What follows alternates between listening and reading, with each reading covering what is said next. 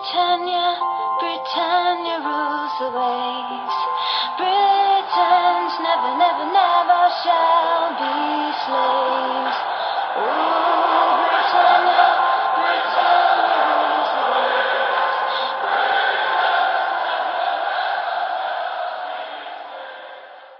Rule Britannia, Britannia rules the waves. Britons never, never, never shall be slaves. Oh, Rule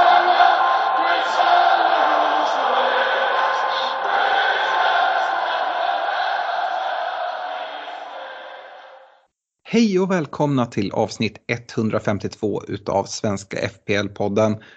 Game Week 22 håller på att avslutas och vi blickar fram emot Game Week 23. Vi spelar in tisdagen den 18 januari och eh, idag ska vi snabbt kika in i våra byggen, hur det rullar på och eh, kan vi säga att alla är rätt nöjda med sitt kaptensval. Vi ska prata lite poddresa som kommer här till våren som eh, vi verkligen ser fram emot. Vi går in lite på veckans diskussionspunkter, kommer med rekommendationer, en kaptensdiskussion för Game Week 23 och avslutar med era lyssnarfrågor.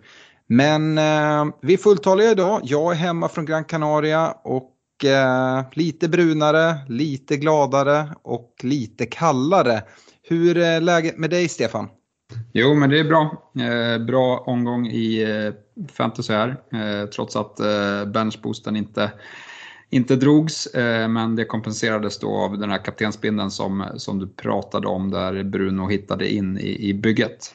Ja, eh, jag var ju förbi dig. Vi satt och jobbade in den här Bruno-bindeln tillsammans eh, med en av våra vänner som inte riktigt var lika glad som hade satt bindeln på Ronaldo.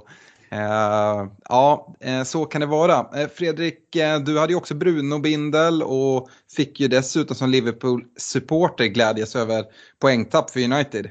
Ja, nej men det var lite, det, det, det var verkligen eh, jackpot där. Sen så tog man, togs man ner på jorden lite när man insåg att man hade bänkat Cancelo eh, och jobbat in en Ollie Watkins och hemåt nickar fast åt fel mål. Eh, men eh, jag, kan, jag kan äta upp den där Cancelo 11 poäng tack, ändå, liksom, tack vare Brunos eh, håll. Ja, man kan inte få allt. Jag trodde att jag skulle få allt som satt där med David de Gea i mål som gjorde en hel del räddningar och såg ut att gå mot en nolla och sen blev det två insläppta helt plötsligt. Men eh, ja, eh, inte så jag ska klaga FBL-mässigt men det var surt som United-supporter att se United tappa eh, de här 2-0 och dessutom att då eh, Liverpool-fansens kelgris Coutinho är inblandad. Vi kommer väl prata mer om honom i den här podden lite senare.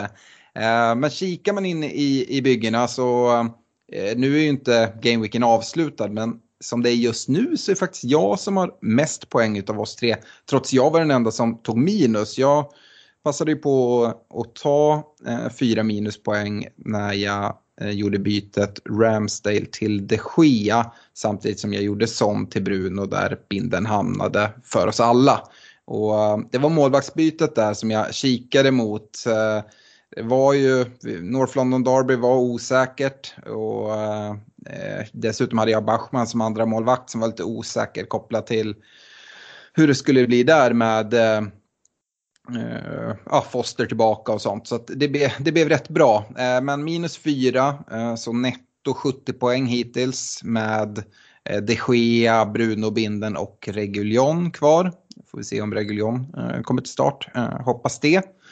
Uh, ja, så ser det ut för mig. Uh, går vi liksom neråt och Fredrik, du har ju minst poäng av oss. Det handlar väl om att Cancelo är bänkad för dig. Men Stefan, du, uh, du har 69 poäng. Ja, nej men det, jag kan inte klaga. Som sagt, jag hade planer på, på att dra benchboost men, eh, ja, men det var en del osäkerhetsfaktorer. Det pratades om ett covidfall i Everton och så pratades det om att Antonio kanske hade en knock. Eh, osäkerhet kring Reguljon och Kastanje så att nej, det, var, det var lite för mycket. Eh, och eh, ja, men Everton gjorde ju en usel match igen så att eh, det där benchboosten, även om jag även, troligtvis hade plockat in Robertson eh, i, i det så hade det inte blivit någon, någon superutfall på, på benchboosten. Så att jag grämer mig inte över det eh, utan eh, är mer nöjd över Fernandes eh, kaptensbinden där. Och, och jag måste erkänna att det var, det var liksom mycket tillfälligheter. Det var ju framförallt eh, North London Derby eh, där Mora var en, ett starkt kaptens eh, shout för mig och även, eh, jag blickade ju även mycket på att ta in Madison innan deras match eh, blev inställd. Eh, men, men när det, liksom föll bort där på fredagen så tänkte jag, men Bruno, eh, det är en bra chansning här med, med dubbel. Eh, vi vet vad, vad han kan och han har inte visat det på jättelänge men nu föll det ju väl ut med att Ronaldo var borta och Bruno är ju en annan spelare när, när inte Ronaldo är på plan. Ja, så är det ju uppenbarligen. Eh, kollar man live rank nu mitt i, i gameweeken som sagt den kan ju sjunka något eh, eventuellt för oss alla. Det kan ju gå åt båda håll, får se vad Bruno gör i andra matchen. Men eh, då är du uppe på 17K nu Stefan och det är ju ja, eh, betydligt bättre om man bara blickar tillbaka några gameweeks för dig. Du har haft gröna pilar länge nu. Ja, det här blir sjätte veckan i rad eh, med, med grön pil för min del. Eh, och, och, det är klart att man är glad för det. Sen, sen har det ju bränts en del chips under den här tiden. Så, eh, nej, men jag, jag, ska inte tänka allt för mycket på det. Utan de där chipsen de är vaskade, jag har avancerat och ja, är, är i en bra position nu inför andra halvan av, av säsongen för att försöka ja, och gör bra beslut när ni drar era chipsen och, och kunna kanske inte tappa allt för mycket de omgångarna och sen eh, ja, får vi se var det tar vägen här. Mm. Du har ju fyra spelare kvar. Jag sa att jag hade tre. Du har Mora, Reguljon, Bruno, kaptenen och sen så Sanchez som spelar ikväll. Då. Nu kan jag ju glädjas här över att eh, Chelsea eh, redan har gjort 1-0. Så att nollan spricker både för dig men även för Fredrik. Mm. Jag ja, du 17K, jag ligger på en overall rank på 4K och eh, eh, Fredrik har ju inga kon med alls, så även om vi väntar till dig sist så är det ju knappast synd om dig. Med en Bruno Bindel, eh, 62 poäng nu inför tisdagens och onsdagens matcher. Så uh, overall rank på 328 i världen. Uh, kollade lite vi hade ju ett avsnitt här som vi släppte i söndags med, med Olle som ligger världstvå. Men du har 67 poäng upp till första platsen såg jag Fredrik. Ja, det är lite att kämpa med. Och jag, jag var inne och kikade lite snabbt där i, i eh, poddligan och då tyckte jag mig se att här, så här när vi spelar in mitt i, eller en bit, en bra bit in i Double Game Week 22, så ligger ju faktiskt alla topp fyra eh, i poddligan ligger ju topp 100 i världen.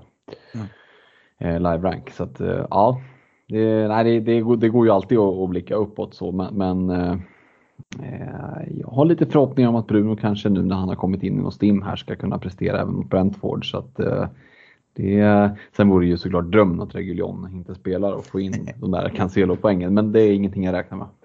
Nej.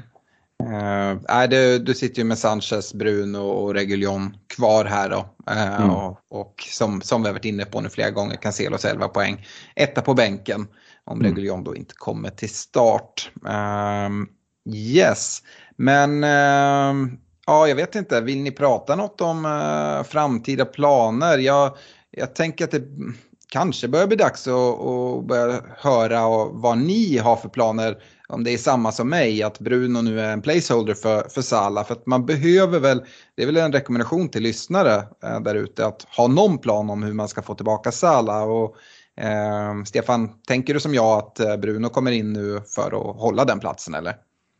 Eh, nej, jag har inte riktigt bestämt mig. Nu, nu fick jag besked om Kastanj att han är borta över två månader idag.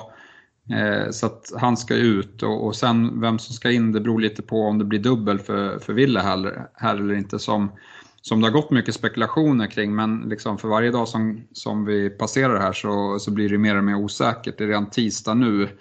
Eh, jag tänker varför de inte har annonserat det än. Eh, och om inte Villa får dubbel då vet jag inte riktigt eh, hur jag ska göra. Jag är sugen på Robertson eh, och såklart sugen på någon av Villas ytterbackar men då helst med, med dubbelomgång då. Mm. Uh, men du har någon plan på, på Sala eller Stefan? Jo men alltså det går ju att få in honom ut och behålla Fernandes uh, om, man, om man gör en uppoffring någonstans. Så det är väl det jag kikar på om, om det är värt det. Jag ska se här hur, hur Bruno ser ut. Eh, om han fortsätter se pigg ut så har de ju ett fint spelschema United och eh, kanske inte helt dumt att, att, ha kvar honom några, några omgångar nu när man har fått in honom bra här och, och folk kanske eh, eventuellt kan börja jaga honom lite grann så sitter man fint där och får lite värdeökning. Mm, jag ska prata lite United och Bruno sen i, i veckans punkter. Uh, men min plan är absolut att det är vägen. Det beror ju helt på vad man sitter med för lag men för mig är det den enkla vägen till Sala och har inga problem eh, efter det. Eh, personligen så kollar jag väl nu lite precis som du är inne på vad som händer med double game week så att det är inga tidiga byten. Det avråder vi från. Men uh, kika med att göra en Gray till en Rafinha kanske den här veckan. Uh, och i så fall för första gången välkomna in Rafinha till, till uh, Silver Diggers FC. Uh, eh, och sen så då har jag även pengar med lite marginal så det räcker att göra Bruno till Salah omgången efter om Salah skulle vara tillbaka då. så det är, det är väl min plan. Fredrik, din Salah-plan eller planer framåt här? Ja, men alltså huvudspåret är ju Bruno till Sala, det enkla raka bytet. Det sitter väldigt mycket pengar på min bank så att eh, det, det, det går att mer till. Sen har, finns det ett litet stickspår som jag håller lite öppet och det är att eh, det är att strukturera om lite och kanske göra Bruno till De Bruyne och sen ta in Sala ändå. Mm. Um, det beror som sagt lite på hur jag ska göra med, med pengarna och vem man byter ut och byter in och sådär. Så det, eh, ett par rotationer så skulle det kunna vara möjligt också. Um, jag är lite sugen på, på eh, De Bruyne har sett fin ut nu och City har några riktigt fina matcher här kommande. Så att, mm. um, ja, det, det, det återstår lite att se men lite som ni är inne på just eh, i talande stund så har vi inte fått någon avisering om dubblar. Kommer det en sådan, då kommer ju det att förändra allt såklart. Ja, eh, men jag antar att du håller med mig Fredrik att det är smart att se över sitt eget bygge och ha en plan för, för Sala här. Ja, ha två planer skulle jag säga. Ja. Eh, ha, ha, en, plan, eller ja, en plan för Sala absolut, men också ha lite olika planer för om dubblarna kommer, om dubblarna inte kommer eh, till 23an här. Mm. Yes, vi ska gå vidare och prata poddresa och vi har sagt det förut. Vi har hållit lite tyst om det här på senare tid kopplat till restriktioner och sånt. Men nu, nu har England lättat sina inreserestriktioner och det ser ju ljust ut. Jag vill inte jinxa någonting här men tanken är att eh, första april så, så drar vi till London, kollar Crystal Palace Arsenal på Sellers Park. Ett stort eh, gäng. Vi tre och eh, med er poddlyssnare. Och eh, det är ju begränsat antal platser, vilket vi har pratat om tidigare. Eh, det har bokats på en del nu på senare tid och eh, det är en, runt 15 platser kvar. Jag törs inte uttala mig exakt nu. Men det är Olka som håller i bokningen, vår, vår partner Olka Sportresor. Man kan läsa mer om resan på vår Facebook-sida och även med länk till bokning. Eh, det man också ska säga om man går lite så här valt och kvalt att det här hade varit kul att följa med men ja, tänk om de eh, liksom ändrar inresebestämmelserna eller att det är ingen publik på läktaren eller match flyttas och sådana här saker. Eh, så finns det ju en liksom, Eh, bra trygghet i bokningsvillkoren. Man kan även läsa om dem på eh, på vår Facebook-sida eller hos Olka. Eh, så liksom, skulle det vara någonting som förhindrar att vi kan se matchen så får man självklart pengar tillbaka eller möjlighet att boka till en, till en ny resa och sådär. Ehm, ja, Stefan, taggad poddresa eller? Ja, absolut. Eh, vi får se här hur, hur Arsenal kan ta sig an fram till april, men det skulle teoretiskt sett kunna vara väldigt eh, spännande liga placeringsmässigt också. Så att, eh, en liten extra krydda för mig då som håller på Arsenal och åka på en sån resa om det är mycket på spel. Ja men såklart och vi har, när vi har pratat om det tidigare så har vi också pratat om möjligheten att gå på fler matcher när man ändå är i London. Och jag kollade omgången, det är Spurs Newcastle, West Ham Everton, Chelsea Brentford om man vill gå Premier League. Finns ju såklart även Eh, Championship-matcher. Eh, Queens Park Rangers, Fulham och sådär. Fredrik, är det någon match du har kikat lite närmare på? Sist vi var i London här tillsammans, eh, gänget, så var vi ju på Spurs arena. Vi var även på West Hams arena. Eh, mm. Är det mm, Chelsea-Brentford då kanske? Ja men absolut. Eh, vi har bockat av West Ham där vi såg en jättefin match. Eh, vi har bockat av Spurs där vi såg en jättefin arena. Eh, så att ja, nej men absolut, Stamford Bridge vore roligt att, att se. Jag tänkte ju försöka värma upp Englandet lite genom att sticka över här om en månad idag faktiskt när vi pratar om det, den 18 februari. Ja. Men då till Liverpool. Mm. Bara känna in. Liverpool-Norwich var det va?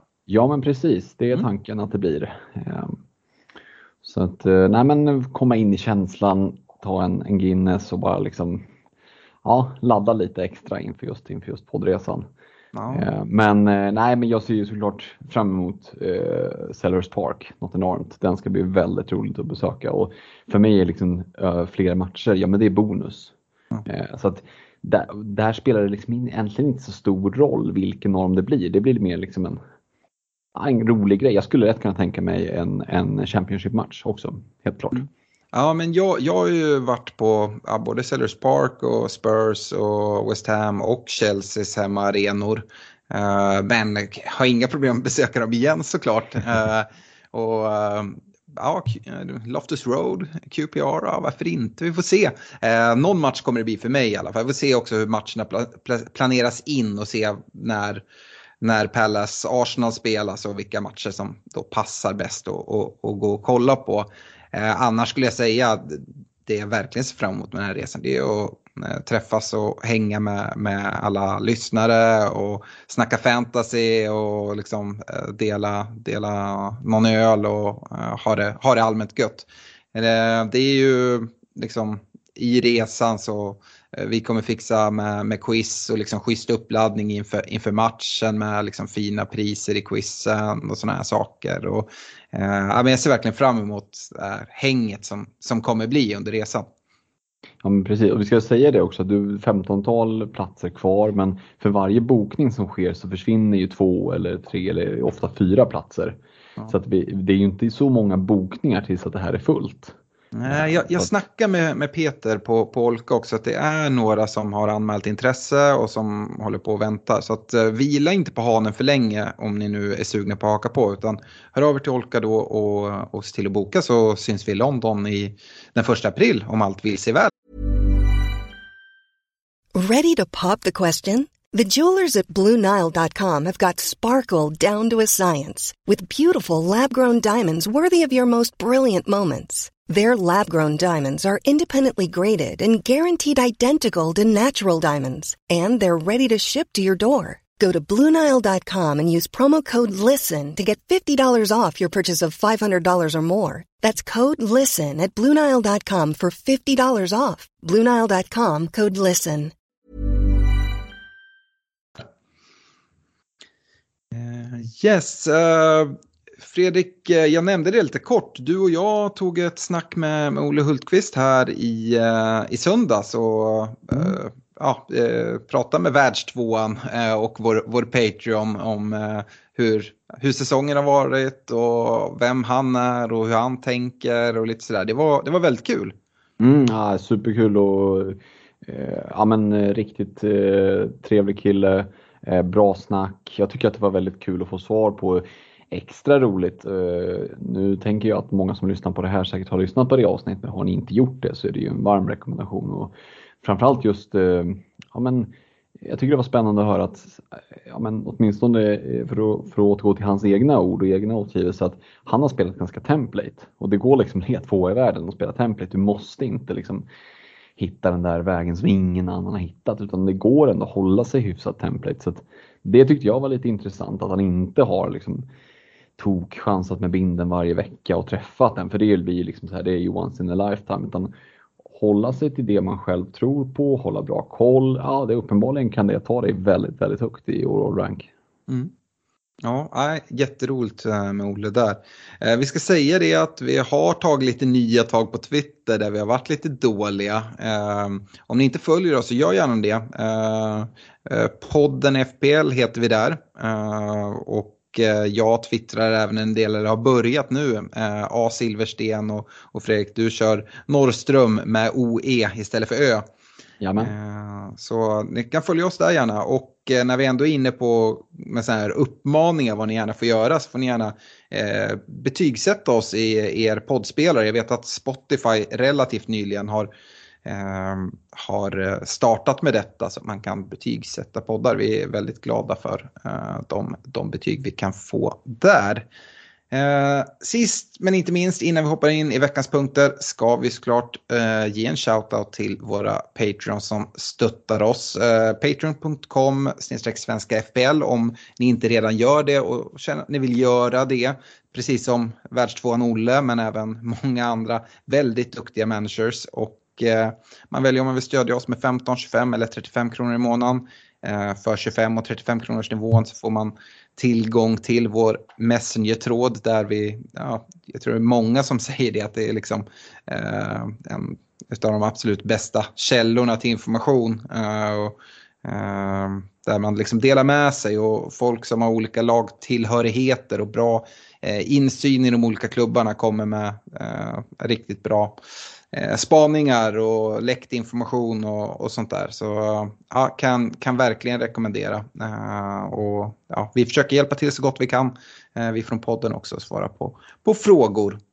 Ska vi säga det Alex, att där var ju faktiskt i, i Patreon-tråden som ja, men surret kring Bruno, jag vet inte om det startade men det tog i alla fall fart där. Eh, så att känslan var ju att det var flera patrons som, som hoppade på det tåget. Eh, men det är ju sånt, och vi försöker ju, det är svårt, vi, vi poddar en gång i veckan och delar, delar med oss av våra tankar då. Jag lyssnar ju på när ni poddade förra veckan då jag inte kunde vara med. Eh, det var inte jättemycket snack om Bruno då, av förklarliga skäl skulle jag säga. För att det hände ju jättemycket. Och eftersom vi inte kan släppa nya poddavsnitt varje dag så eh, försöker vi ändå liksom hjälpa våra patreons med ja, hur våra tankar går och eh, våra patreons berättar hur, hur de tänker. Eh, och då till slut, det var ju som Olle sa i intervjun också, att det utkristalliserar sig att ja, men det är ett ganska bra läge att kliva på Bruno om man fattade lite sena beslut. Och, eh, ja, det, det är ganska intressant det där. Och, eh, ett bra forum att hänga med på om man själv inte vill ligga och skanna Twitter eller eh, sådana saker. Känner att man inte riktigt har tid till det. Nu ska vi hoppa in i veckans punkter och Stefan jag tänkte börja lämna ordet till dig. Du skulle vilja prata lite topplag och scheman. Ja, men det är ju rätt uppenbart att eh, ja ja, City är ju såklart favoriter till, eh, till ligasegern i år. Men jag vet inte hur många City-gubbar som som folk verkligen sitter på. Jag vet att ni två sitter lite mer förspänt. Alex, du har väl tre eh, och Fredrik, du har två. Men om man kikar lite eh, stats överlag så är det väl eh, att de flesta sitter på, på en Cancelo eh, och sen är det ganska tunt eh, ägt i, i City. Och i Liverpool har vi en liten annan situation med, med Sala borta och där sitter ju Jota och Trent i, i så gott som alla lag. Men vi har ju en Andy Robertson som, som bara ja, men öser in poäng här. Och jag tänkte väl ta, ja, vi kan börja i Liverpool och diskutera där lite. Och jag vet när vi spelade in podden eh, förra veckan så efter podden så, så snackade jag lite med Fredrik om ja, men, eh, jag är sugen på att plocka in Robertson och min tanke då var ju att, eh, att man plockar in Robertson och sen Sen gör man Jota till Salah när, när Salah är tillbaka. Eh, och den, den planen försvann lite och det var, det var mycket tack vare att, att Madison försvann från, från eh, dubben i 22an här och, och att jag, ja, jag blev lite osäker på, på binden eh, och, och, så. Det, det, får man ju tacka för med, med att det föll väl ut med Bruno. Men, men Robertson plockade ju 12 pinnar även i, han i, i 22an. Eh, så att jag tycker att det är ett spår som, man, som känns som att det är värt att fundera över. Nu, nu skiljer det ganska mycket i pris mellan Robertson och Jota. Men jag kommer ihåg inför säsong, då var det att, eh, jag tror att då skilde det väl eh, 500 000 mellan dem, eh, om jag inte minns fel. Eh, och då gick jag och funderade lite på, men kommer Jota verkligen matcha Robertson i, i värde? Nu tror jag att det blir ännu svårare för att vi, Jota på inget sätt såg han ju dåligt ut här mot, eh, mot Brentford utan han hade väl eh, högst expected goals i, i, i Game Week 22. Eh, han brände ett friläge och hade en i, i virket. Eh, men, men jag menar, hans plats kommer ju vara eh, inte lika given när Mané och Salah är tillbaka nu när vi har sett Firmino spela eh, en längre stund efter hans skada. Så det är ju det är fyra spelare om tre platser där och visst kommer kommer Jota få minuter, men det ska spelas Champions League-fotboll och det ska spelas ligafotboll. Jag tror Robertson kommer spela mer eh, än, än vad Jota kommer göra resterande del av säsongen, eh, givet att ingen åker på någon, någon eh, större skada. jag vet inte, hur tänker ni, ni kring, kring Robertson? Ja, Fredrik, du får gärna börja där när vi mm. pratar Liverpool. Mm, nej, men jag är helt inne på Stefans linje här. Att, eh, Jotam kommer ju, eller matchas ju ganska hårt nu när, när Salaman är borta. Eh, och Firmino är precis tillbaka och det skulle inte förvåna mig. Tycker också man har sett lite sådär formdipp, framförallt i spelet. Hade Jota inte speciellt involverad i spelet. Eh, och det är ju ett tecken på att han inte löper lika mycket. Eh, nej men sen när eh, eh Salamané är tillbaka från afrikanska, förutsatt att det inte har de drar på sig någon skada eller sådär, så, så tror jag att speltiden kommer att, att minska. Eh, och det är ju en riktig supersub att kunna slänga in. Eh, så att eh, eh det, det, är, ehm, eh, det är ett intressant drag att liksom switcha Jota till Robertson. Eh, det gör att man sticker ut lite grann, det gör att Liverpool-nollorna blir värda mer.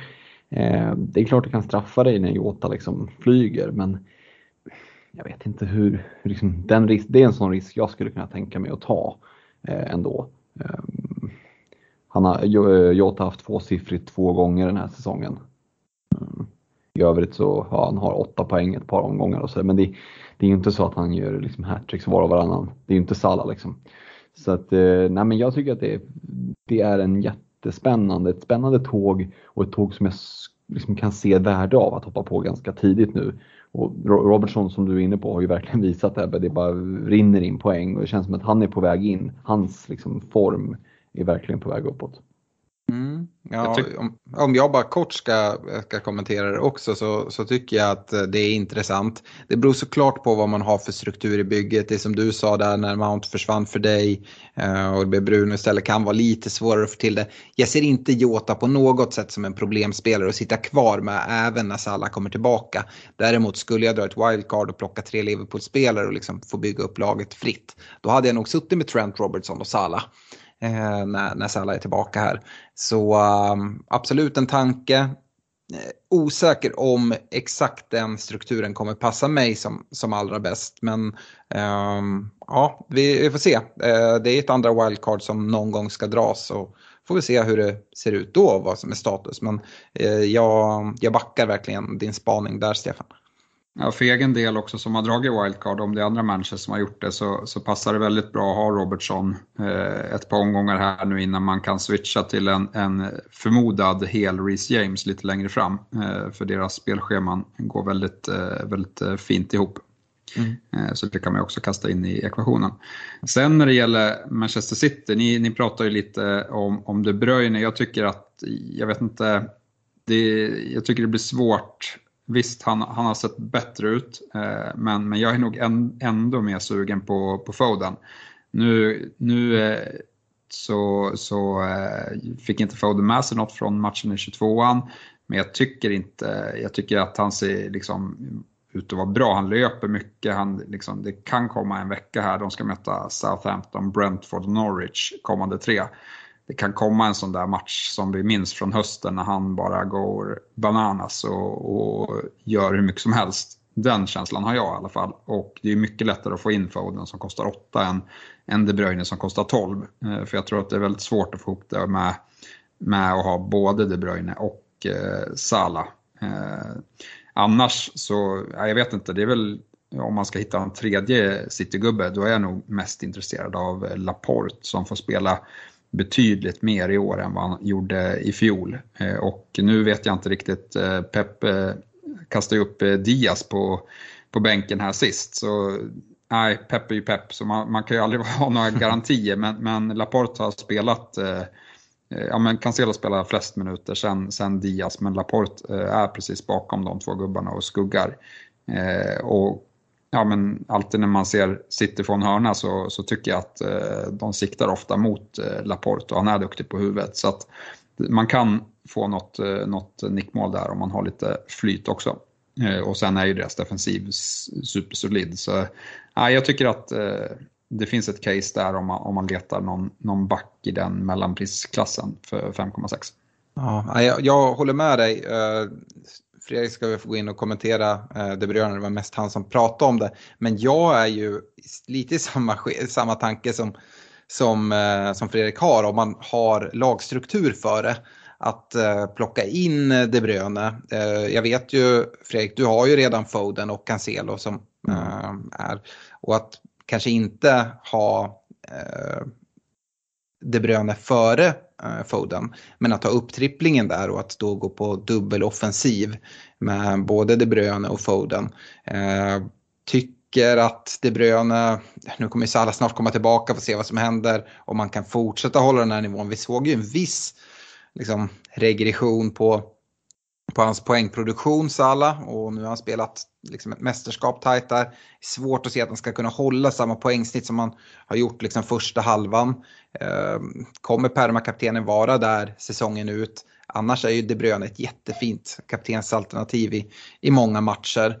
Um, jag, jag, känner mig i alla fall mer trygg att uh, kaptena De Bruyne än Foden.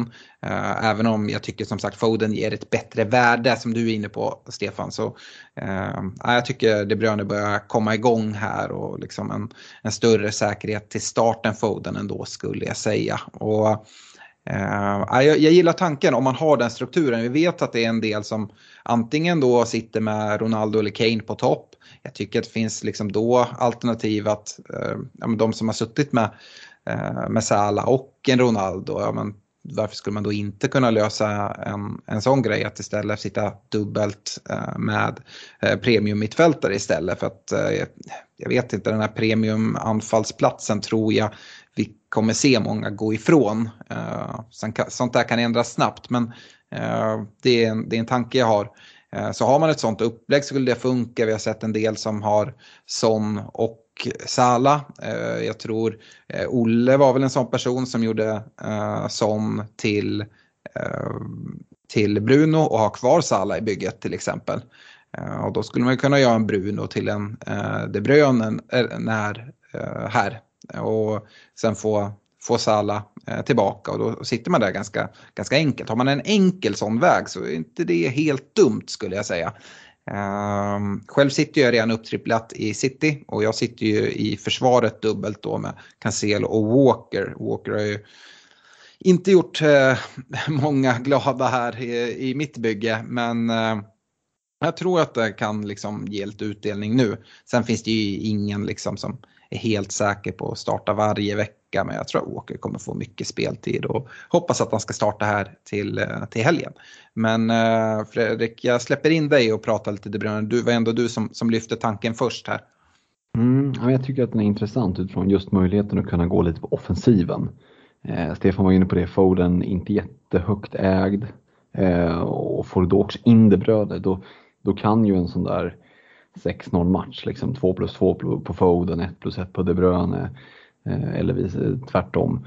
Eh, och du är liksom nästan själv om du sitter på uppdubblingen och, och ganska lågt HSB på båda två. Det kan ju bli en riktig differential.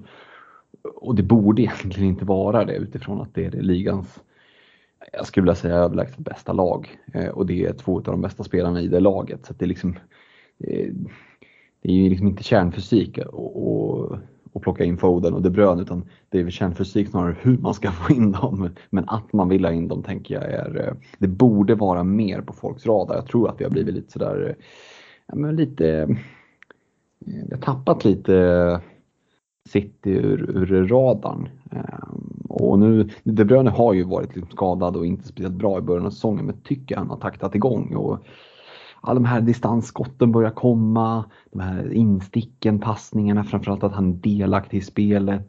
Han, han äger ju det offensiva centrala mittfältet på ett annat sätt nu igen. Så att, mm, uppdubblingen där, den, den eh, känner jag mig riktigt sugen på just också för att den sticker ut. Eh, poängen är värda mycket, tjatar om det, men här är det faktiskt så att de här poängen skulle vara värda väldigt mycket, speciellt om man singlar in en bindel där också. Mm mycket handlar ju om egen lagstruktur skulle jag säga just kopplat till det här. Såklart. Mm. Yes, var, var det det du ville, ville prata i, eh, kring den punkten där Stefan eller hade du något mer? Ja, jag tycker att det, att det är liksom det som summerar det. Jag tycker vi har pratat om de relevanta spelarna. Det finns inga andra spelare i, i de lagen som jag är intresserad av faktiskt. Eh, jag vet inte hur ni känner, men, men eh, det, det är min eh, summering. Ja, jag, jag håller med och det, det enda man kan säga är att om man ska inkludera liksom eh, nästa lag i, i ligan i Chelsea så är det ett lag som folk kommer fly ifrån nu eh, kopplat till, till dubbla blanks. Ehm, så att eh, ja, om ni nu sitter med, med massa spelare som spelar ikväll och, och får poäng så är det jättekul. Men sen så ja, ska man börja röra dem vidare tror jag. Ehm, ett annat lag som absolut inte går att räkna in som topplag det är ju Manchester United och där tänkte jag prata lite grann. Eh, dels tänkte jag komma till det just eh, att vi vi alla tre här i podden eh, landade i en Bruno-bindel handlar ju mycket om att vi gör det vi faktiskt pratar om här i podden vecka efter vecka. Vi väntar in i det sista med att göra byten. Jag var inne på det när ni poddade eh, förra tisdagen att då var Bruno ganska långt ner på, på någon önskelista och vi fick spana långt efter honom. Han låg inte med på någon rek på, på mittfältet där. Eh, fullt förståeligt. Men Eh, det var precis som för mig. Son skulle ut. Ja, vem ska jag ta in? Ja, men det stod mellan Mora och Mount. Och sen så blev det liksom oklart. Både med liksom, bådas dubbelveckor kände så här, nej, det känns väldigt långt bort att de ska få dubblar. Och då gillar jag det inte så mycket. Jag vill ha in en dubbelspelare. Och det var inte för att jag älskade Bruno, men det känns som att liksom alla stjärnor stod liksom på rätt plats. Eh, jag var inte övertygad om att han skulle göra något två mål om vi ska vara helt ärliga. Så, så är det ju en hel del flyt bakom med första kassen. Martinez, vad är det som händer? Eh, men eh, ja, han har två matcher, eh, till och med en del rykten där som kom eh, att Ronaldo kanske skulle kunna missa. Eh, och ja, det har vi sett tidigare att Bruno liksom i landslag också, att Bruno har, har gjort det lite bättre när, när Ronaldo inte är med. Ehm, så ja, ja, sena val vill jag påtala. Men sen om man ska prata United i stort så United mår inte bra. Jag skulle verkligen vilja skicka upp en varning här. Eh, du var lite inne där och tassade Stefan tyckte jag när du pratade om att ah, man kanske ska sitta kvar med Bruno för att spelschemat är ändå där och eh, om man nu taktar igång här ska vi säga så här, eh, valet på Bruno blev, blev ju bra. Eh, men det var lite flyt att komma iväg med så mycket poäng också skulle jag säga. Eh, visst, United gjorde väl en bra halvtimme i, i, matchen men eh, det var inte en bra liksom, 90 minuters prestation och heller inte en bra 90 minuters prestation från Bruno på något sätt. Utan det är mycket enkla misstag och Ehm, men Ronaldo kommer ju komma in i laget igen. Vad innebär det för Bruno och så vidare? Det är liksom att laget inte mår bra har vi ju bara ett annat tecken på Martial där och som enligt, enligt Ragnik inte vill resa med till matchen och därför inte är med. Sen dementerar han det liksom i sina sociala medier. Det är liksom stökigt kring klubben. Ehm, Egentligen, det, jag, jag har Bruno som en solklar placeholder, sen ska han bara bort från laget. Eh, det är såklart, har man honom nu eh, så kanske man liksom inte prioriterar bytet den här veckan för att plocka ut honom utan han är placeholdern för Sala. Och visst, kanske till och med jag som lockas då, säg att han nu levererar i andra matchen i, i, i dubbelveckan i 22an och sen så levererar även mot West Ham en hel del poäng. Ja, alltså det, det kommer klia i fingrarna men jag hoppas kunna stå pall då och ändå liksom eh, gå på eget val. Jag tror det är den bästa vägen. Sen får man som sagt såklart ompröva om det, om det skulle vara så. Eh, egentligen det enda liksom eh, alternativet i United som lockar, som är den andra United-spelaren som jag sitter på och tog in den här veckan, det är David de Gea i mål. För att eh, oavsett hur liksom riset det ser ut så kommer poängen trilla in för de Gea. Eh, jag är helt övertygad om att det kommer komma nollor eh, med det här spelschemat. Eh, det kommer definitivt komma räddningspoäng. Det kan komma både och. Det skulle kunna ha kommit en nolla i, i Villa-matchen. Nu kom det inte det, men då blev det räddningspoäng. Vi kommer få veckor då han både får räddningspoäng och nollor. Och en av, en av de bästa målvaktsvalen just nu skulle jag säga. Så jag tycker jag sitter ganska bra där nu. Ehm, det är liksom mina tankar kring, kring, kring United. I övrigt så lockas jag liksom inte. Jag vet att en del klev på det här Dalot-tåget som jag tror att jag varnar en del för i podden att Wan-Bissaka kommer ändå stjäla speltid. Uh, alltså det finns inget val där jag liksom känner mig säker på att spelaren kommer, kommer lira. Det har varit Ronaldo upp på topp och därför tycker jag inte det finns något alternativ att, liksom, att sitta kvar eftersom det finns Förut pratade vi om liksom brist på anfallare men nu börjar det öppnas upp flera midprice alternativ på anfallsdelen. Vill man välja att gå på en tvåfalls, eh, tvåmanna anfallslina och ha en lite billigare spelare i någon av Watford-gubbarna eller en Brochua i SA-15 så, så är det också ett alternativ. Eh, så eh, Nej, jag tror inte att det är läge för United-spelare här framåt. Ja, Stefan, hur, hur känner du Bruno? Nej, men alltså, jag satt ju och kollade på eh, West Ham Leeds. Eh, och eh, jag kan ju säga det att West Ham släpper ju till något fruktansvärt med chanser. Mm. Så vi får se vad de, om de får tillbaka någon. Men alltså, det jag, jag, har satt, jag har sett West Ham några matcher här på slutet och det är mm. svängdörrar i deras försvar. Så att, att United gör minst två mål på West Ham, det, det tror jag faktiskt. Sen, jag vet inte, det är det är svårt, jag, jag håller med om att, eh, att United inte ser svinbra ut men, men det är ju den här, de här matcherna, om jag tycker att West Ham-matchen är en bra match och så kollar man vad som kommer efter så det finns ju absolut potential att göra mål. Eh, mm. Sen, sen om eh, liksom det blir om det blir tre poängare i alla matcher, det låter jag vara osagt men jag vet inte om jag, om jag är i den situationen att jag har det lyxbytet. Mm. Och jag kikar på, liksom, fortsätter Bruno se bra ut? Mm. Och att United kanske liksom, eh, de har ju också, United är ju också i det läget att man måste vinna matcher och få liksom vara med i racet om fjärdeplatsen. Eh, så, så det är ju viktigt att ta de här, alla de här lätta matcherna nu. Och Ja, jag, jag, får se. Det är mycket beror på vad jag har för magkänsla kring, kring Bruno och liksom hur, om det är direkt här, om vi ser imorgon att eh, Ronaldo är tillbaka i laget och Bruno är helt osynlig, ja men då kanske det blir lite lättare att, att göra det bytet. Jag, jag, känner lite också så att jag kan ta en extra minus fyra bara för att jag prickade det här kaptensvalet om det nu är så att, att det behövs. Liksom. Eh, så ja, vi får se vad, vad jag landar i och det är, det är osäkert. Vi vet inte om det blir dubblar och sånt. För Rafinha med dubbel, eh, det, det är också någon att blicka mot. Han ser ju ut att vara i superform igen till och med utan dubbel ska möta Newcastle. Som sagt, det ligger verkligen på min radar. Eh, men det jag vill få in där, det var väl egentligen att det lät som att du kikade mot att eventuellt behålla Bruno även när du tar in Salah och hitta lösningen på något annat sätt. Och då tycker jag man kan gå tillbaka till den här diskussionen vi hade på din förra punkt. Jag sitter ju mycket hellre med Salah de Bruyne i två liksom väl fungerande lag i uppdubbling. För det är samma pengar vi pratar om. Och har man råd då med strukturen med Bruno Sala, ja men då har man förmodligen råd med De Bruyne Sala också. Och det är väl lite så jag resonerar, att om man har den strukturen, ja men gå dit hellre då. Det är liksom min spontana känsla. Jo absolut, men det är också ett extra byte. Så mm.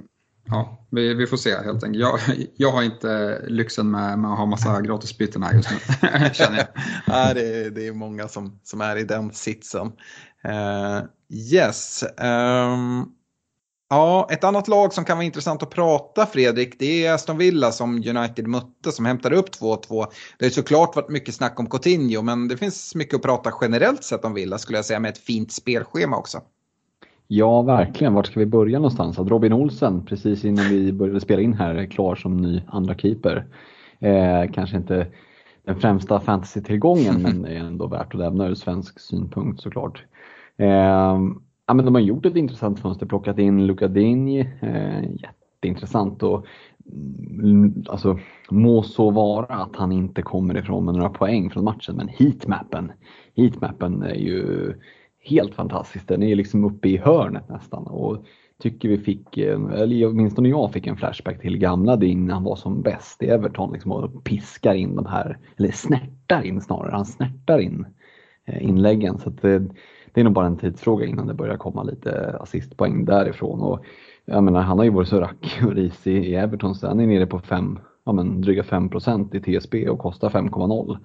Eh, så där tycker jag att det finns mycket värde och kommer det nu också då en dubbel på det här fina spelschemat, eh, ja men då, då känns det ju verkligen aktuellt.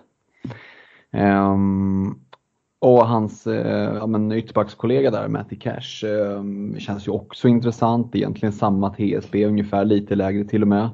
Eh, och runt samma pris, runt 5 miljoner. Har sett bra ut i år eh, tycker jag. Eh, var inne på det lite förra säsongen också, tyckte att han klev fram en del och har gjort en ännu bättre säsong hittills. Eh, så att eh, båda ytterbackarna i Villa tycker jag ser jättespännande ut. Ehm, Coutinho Coutinho svår såklart att eh, bortse, bortse ifrån när han kommer in och gör typ 1 plus 1 direkt. Ehm, jag vet inte, vad säger ni om Coutinho första matchen?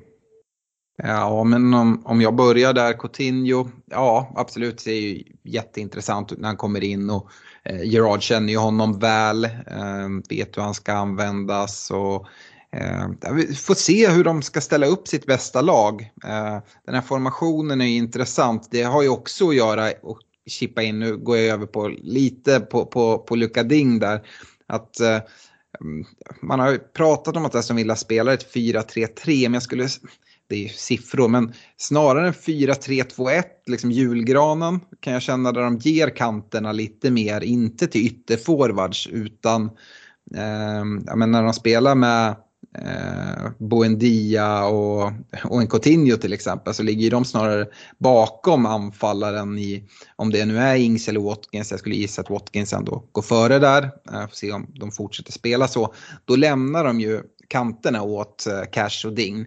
Ehm, så ja, det är ju såklart intressant.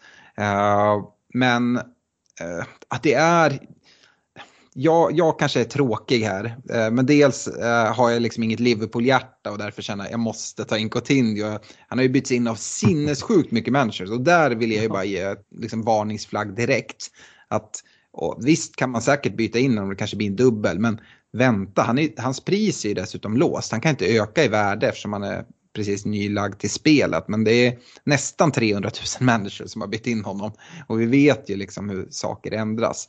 Eh, och sen, ja, jag vet inte Fredrik om du har bättre info än mig, men eh, Coutinho, kommer han liksom spelas och startas vecka efter vecka i tajt spelschema? med hans liksom, historik, hur mycket han har spelat de senaste åren och även viss skadehistorik och sådär. Ah, jag tycker det finns en del frågetecken. Absolut kan det vara värt en chansning om man liksom letar efter en mittfältare och har liksom budgetutrymme för det i och med Villas spelschema. Men jag kan också tänka mig att vi kanske inte kommer se jättemycket 90 minuters insatser från Coutinho och kanske heller inte sådana här succéinhopp varje vecka. Nej, vi sa väl det om Smith Rowe att det här kan inte fortsätta och han överbevisade oss men nej jag håller med dig. Det är sannolikheten för att Coutinho fortsätter och, och liksom jobbar 22 minuter 1 plus 1 det, det är väl inte jättestort.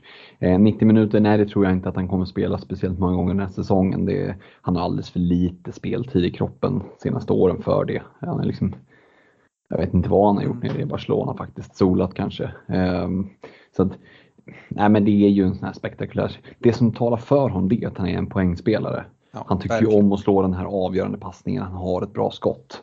Eh, han är liksom inte den här som står och rullar, rullar bollen sidled eller som Thiago i Liverpool som, som står för hockeyassisten hela tiden. Utan han är ju en spetsslutprodukt eh, och det är väl det som talar till hans fördel. Men att hans TSB är uppe på 4,3 redan det, det är ju som du är inne på helt helt eh, knasigt faktiskt. Däremot så har han ju Ja, vad tänkte du? Jag tänker att det är väldigt intressant med formationsdiskussioner här. Mm. För jag var inne på det nu, jag tycker att de just nu spelar en 4-3-2-1.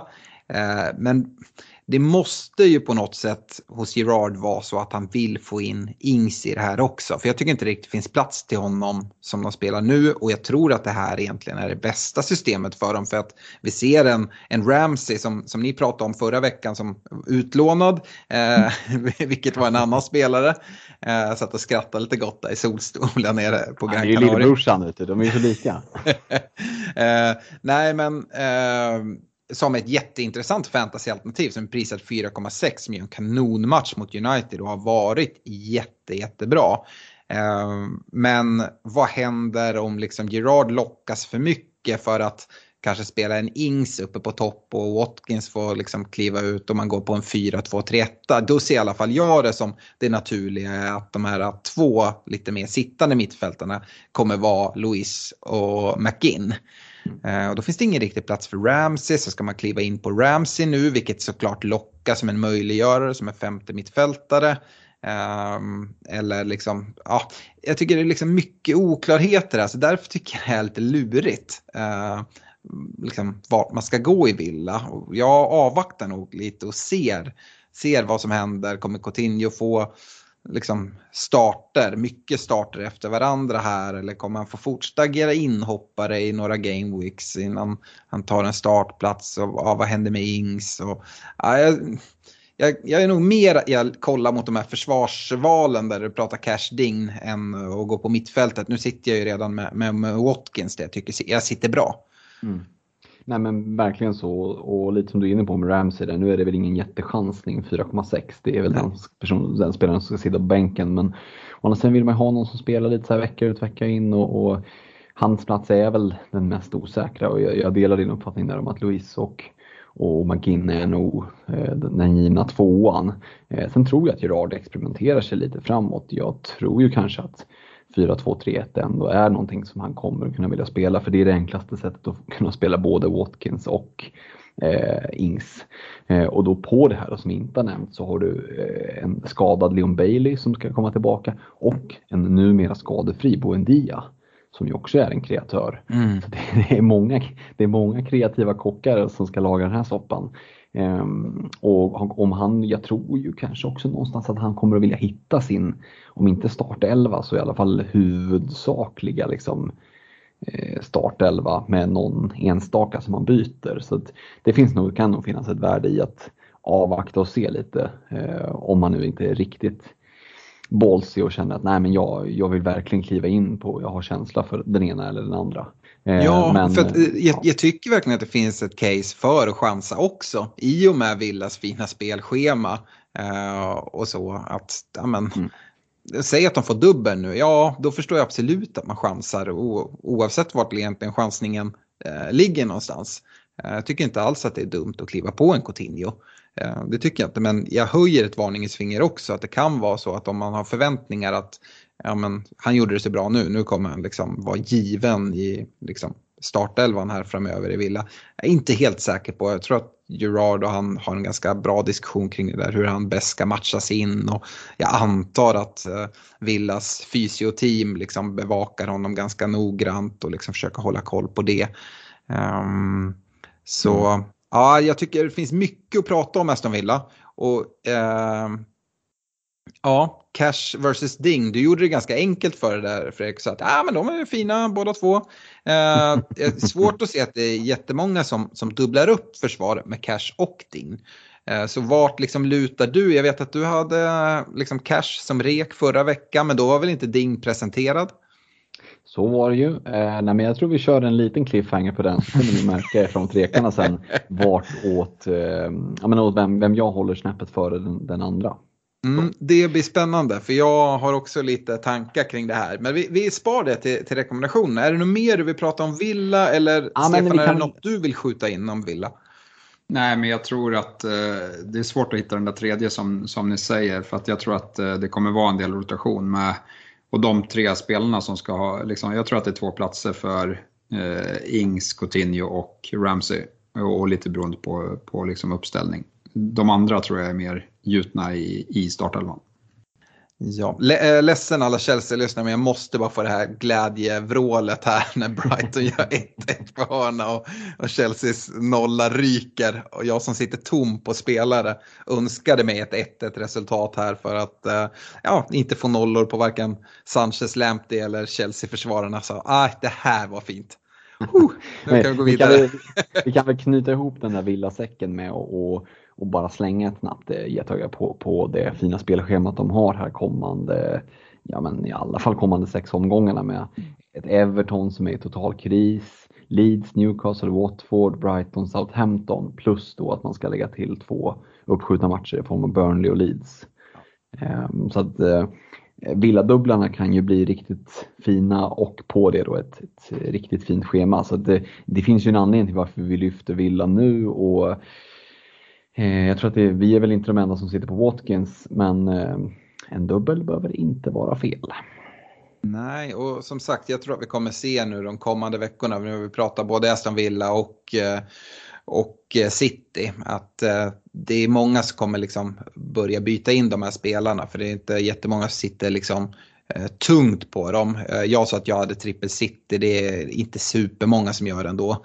Och ehm, eh, det är knappast många som sitter trippelt villa. Jag vet inte om man ska göra det heller, om det inte kommer dubblar. Men eh, uppdubblingen gillar jag verkligen. Så jag tror vi kommer se mycket byten eh, ditåt. Så, och Chelsea-försvarare som ska ut. Så att försvarsdiskussionen kring villa tycker jag känns jätteintressant. Och jag tycker att, det ska man väl säga, jag tycker att villa har sett rätt tajta ut med, med ehm, under Gerard också. Så att eh, chans på nollor och offensiv utdelning på försvararna. Ja, bra spelschema. Ja, jag gillar vad jag hör. If you thought the only way to get a more defined jawline with natural looking results was through surgery, think again. Juvederm Volux XC is a non-surgical injectable gel filler that improves moderate to severe loss of jawline definition and can help you achieve natural looking results with little downtime. Even better, this improved definition lasts up to one year with optimal treatment. No maintenance required. Improve jawline definition for a smooth, sculpted look with Juvederm Volux XC. For important safety information and to find a licensed specialist, visit juvederm.com. That's J U V E D E R M.com. Not for people with severe allergic reactions, allergies to lidocaine, or the proteins used in Juvederm. Common side effects include injection site redness, swelling, pain, tenderness, firmness, lumps, bumps, bruising, discoloration, or itching. There's a risk of unintentional injection into a blood vessel, which can cause vision abnormalities, blindness, stroke, temporary scabs, or scarring. Talk to a licensed specialist specialist to find out if it's right for you. When you're ready to pop the question, the last thing you want to do is second guess the ring.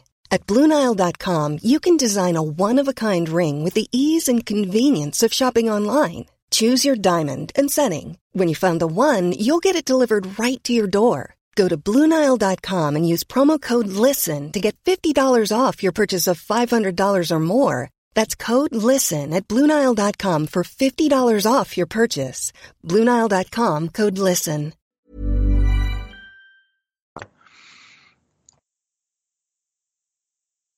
Yes. Uh, ska vi gå vidare med veckans rekommendationer då? Shoot. Uh, och vi börjar med försvarsrekommendationer och jag är så på här direkt så jag kör mina direkt. Uh, då kommer vi komma in på Aston Villa-diskussionen för jag har såklart med en Villa-försvarare men jag sparar den till sist. Eh, lite annorlunda har jag gjort. Det är många veckor jag liksom har suttit, det känns som nästan hela säsongen och nämnt Cancelos namn. Och jag har valt att inte ha med Trents namn i mina försvarsrekar för jag tycker han liksom sitter i så många byggen. Eh, det är ju samma sak med Cancelo nu. Så Trent är inte med, Cancelo är inte med. De är någon form av permarekar. och Jag tror att många sitter med de två som premiumförsvarare. Så hur går man vidare därifrån? Ja, men när jag kikar, då har jag med Robertson, som vi har pratat en del om. För jag tycker att det är den bästa liksom, Liverpool-trippen när Salah är tillbaka. Robertson, Trent och Salah. Uh, så Robertson letar sig in där. Uh, jag har en Nouri från Wolves. Uh, vi pratade om Wolves och att de, eller Villa, uh, som är en Birmingham-klubb som, som håller uh, ändå rätt tätt bakåt och Wolves är likadant. Och jag tror att vi, ett tag så höll vi kolla Big at the back och kanske till och med fem premiumförsvarare. Jag tror vi är på väg därifrån. Det har vi väl varit ett tag men nu när folk börjar byta ut sina Chelsea-försvarare. Ja, Nouri 4,3 Mm, absolut, han kan vara en spelare man kan kika mot och även komma in i Wolves som man kan spela eh, någon gång då och då. Eh, sen då den tredje platsen som eh, jag håller lite på. Eh, där går jag på din rek från förra veckan Fredrik i Matty Cash och jag har valt, liksom vägt fram och tillbaka här. Det ska bli kul att se hur, hur du har tänkt. Mm. Men det är också lite med tanke, jag tror absolut att Dign är invärvad, det ser man inte om man på transfersumma som ett första alternativ i Villa. Men Target har gjort det bra i ett Villa och i ett tajt spelschema och när framförallt dubblarna kommer så tror jag att Cash har betydligt större chans än vad Dign har att få dubbla matcher och det är så viktigt med försvarsspelare. Um, och väger jag cash mot din mot varandra i övrigt så tror jag ändå liksom att det skiljer ganska lite eh, dem emellan. Eh, det är liksom liknande spel. Jag tror inte knappast att det kommer vara så att ah, Cash du får stanna hemma nu så lämnar vi liksom offensiva kanten till, till Dings vänsterkant. Det är inte vad jag tror och som sagt jag tror att de vill hålla igång taget i liksom sin truppbredd och så att han kan få um, en match här eller där. Och det gör ändå, jag väger över till, till, till Matt Cash. Spännande. Yes, och då tycker jag det blir intressant att då lämna över reken till, till dig Fredrik. Förra veckan hade du då Cash eh, tillsammans med Robertson och Reguljon som rek. Mm. Eh, Robertson får ju vara kvar självklart. Du, du summerar det bra. Eh, jag tycker att det är superintressant eh, spelare. Eh, sen väljer jag faktiskt att, till skillnad från att plocka in Cancelo. Jag vet att han har hög TSB, jag vet att det är många som sitter på honom, men med det här fina spelschemat nu också och den möjligheten till offensiva returns. Nej, jag kan inte bortse från att ni som inte har honom måste ju bara trycka in honom. Eh, så Robertson, Cancelo. Sen, jag blir ju sugen på att säga Ding bara när du har sagt cash, men, men lite av det samma resonemanget som du har just med dubblarna där. Eh, att där känns det större, det känns större chans att cash liksom är mer eh, cementerad och det saknas, det saknas ett tydligare alternativ på hans kant. Eh, det är ju liksom hårfint och, och ja, jag skulle kunna liksom blicka mot en, en Ding också. Och, eh, Ja, det, det, det, det, men så här, det, det skiljer väl 0,1 på dem i pris och skulle det vara så att jag sitter med 0,1 ifrån cash så skulle jag inte ha några problem att plocka in din. Eh, men eh, just nu så går cash eh, snäppet före. Visar Ding dock att, så att det kommer en dubbel och han spelar 90 båda matcherna och bara köttar på, då är jag ju inte senare än att jag kan flippa över till din för jag tycker han såg intressant ut. Men nej, det, det, det står cash i min rek här så jag får väl hålla mig till det. Ja, och jag tycker verkligen att det är hårfint och tycker inte att det är dåligt uh, att, att, gå på dingvalet. Det kan mycket väl visa sig vara bättre än cash, precis som liksom, uh, den här King Dennis-diskussionen som, som har varit. Men uh, Ehm, jag tycker när jag skannar Twitter så känns cash väldigt förbisedd och det är mycket att ding ska in, ding ska in och ja eh, jag, jag är inte säker på att han är bättre, ett bättre alternativ än Cash. Men vi får väl se. Jag antar att Stefan ska in med en villaförsvarare i reken. Men vi får se. Reguljon kan väl inte sitta kvar va, Stefan? Nej, nej det gör han inte. Jag har ju tagit ut Trent och Cancelo. Eh, Cancelo tycker jag, han, han är med i rekan. Jag är lite på Freddans spår där, att med deras matcher han, han eh, måste man reka. Men om man ska ha en ersättare till Trent då, som alla redan äger så, så är det Robertson för mig. Eh, och sen den tredje eh, villaspelaren är Matty Cash. Eh, jag tycker inte att det skiljer, liksom, kollar man bara deras stats här, vi har bara en match att gå på, men det skiljer inte så mycket ändå. Eh, jag tycker att Cash ligger bakom en del. Eh, visst, eh, Ding kanske kommer till något avslutsläge, men som ni säger att i en dubbelvecka så sätter jag också mina pengar på att Cash får, får båda starterna och det är det som eventuellt händer här i 23 då. Men, men om det bara är en match och man ändå är sugen på någon någon villa-försvarare så jag köper att man, att man går för Digné också. Men, men jag är mer inne på cash. Vi är ju overkligt överens här på försvarsräkarna. Robertson sitter hos alla, alla tre. Eh, jag skulle säga att Cancelo gör det hos alla tre också. Som sagt, för mig tycker jag att det är en självklar spelare som jag hade prioriterat långt före än att byta in en Matty Cash.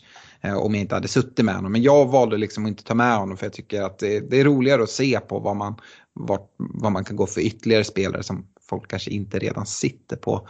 Uh, men vi är jätteöverens. Det, här, det kommer ju bara betyda att det är Luka Ding man ska gå på. Det är där, där poängen kommer trilla in. Känner ni inte så? Ja, vi får se om vår fingertoppkänsla här håller i sig till nästa omgång också. Uh, Det kändes som att det gick lite för bra uh, den här gången med Bruno kapten. Kommer ni på jorden nu? Ja, exakt. Det blir så. Ja, eh, går vi över på mittfältet då, eh, är vi lika överens där. Eh, Fredrik, eh, förra veckan rekar du Bowen, Jota och Lukas Mora. Ja, Moras tid är väl över va? Den är ju det och jag väljer faktiskt att göra en hel renovering här, stambyte deluxe. Eh, och, ja, men jag tycker att det, det absolut enklaste reken nu blir ju att kliva in på Rafinha. Eh, så som han såg ut och, och, och med Leeds eh, match här och eh, lite dubblar eventuellt. Nej, men det finns väldigt mycket som talar för att plocka in Rafinha. Det är en ganska enkel prisklass och bara växla ner någon till. Så att eh, Rafinha känns given. Eh, och sen så eh, får han kompletteras av City-dubbeln med Foden, De Bruyne. Eh, det är tre spelare som, jag har bara en utav dem nu, jag hade gärna suttit med alla tre. Mm. Stefan, vad, vad säger du? Du satt ju med exakt samma rekar som Fredrik förra veckan i, i Mora, Bowen, Jota. Ja, nej, jag gör inte lika drastiska förändringar. Jota och Bowen är kvar.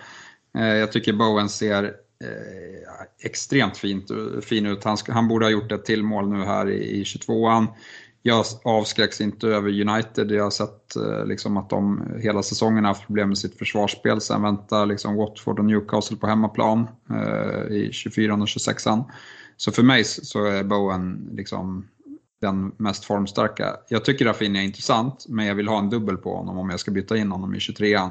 För efter 23an så har de tuffa matcher. Eh, och ja, Det kanske kommer någon dubbel, men det är ingen liksom, för mig är han inte alls solklar på samma sätt. Eh, och sen den sista platsen går till, till Foden. Mm. Och eh, ja, där är jag rädd att sitta utan. Ja just det, du har inte Foden. Uh, ja, går vi till mig så är det väl en blandning mellan er två då. Uh, jag har också Foden, precis som båda ni har. Och sen så blir ju blandningen då att jag fullständigt håller med dig Stefan kopplat till eh, resonemanget kring Bowen. Vi pratade med, med Olle om det här eh, form kontra spelschema. Eh, och eh, Bowen är glödhet. Eh, och eh, spelschemat tycker jag också är där. Eh, jag håller med dig i United-matchen. Eh, har man Bowen så startar man absolut honom eh, borta på Old Trafford i 23an. Och sen Watford, Leicester, Newcastle. Ja, jag tycker liksom ja, om man inte har honom så, så är det absolut inte för sent att kliva på. Det, det är bara att plocka in. Ehm, och på samma sätt som jag ehm, liksom håller med dig där Stefan, håller jag inte alls med dig kopplat till Rafinha. För mig är det en spelare som jag tycker absolut har visat, ja, men precis på samma sätt som, som Bowen, en liksom helt vansinnig form och liksom, ja, men, jag vet inte om man ska säga form för liksom klass är väl liksom något så här permanent nästan. Och ehm, ja, men den klassen som han har. Eh, visst, alltså jag älskar ju matchen mot Newcastle. Så att den är bra. Eh, och sen så börjar man kolla på spelschemat. Ja, det är inte liksom det är inte drömschemat, men jag tycker ändå att det är bra. Eh, Villa borta 24, mm, Everton borta 25. Hur bra som helst. Vi pratade nyss om United, ja de ska de möta i 26an.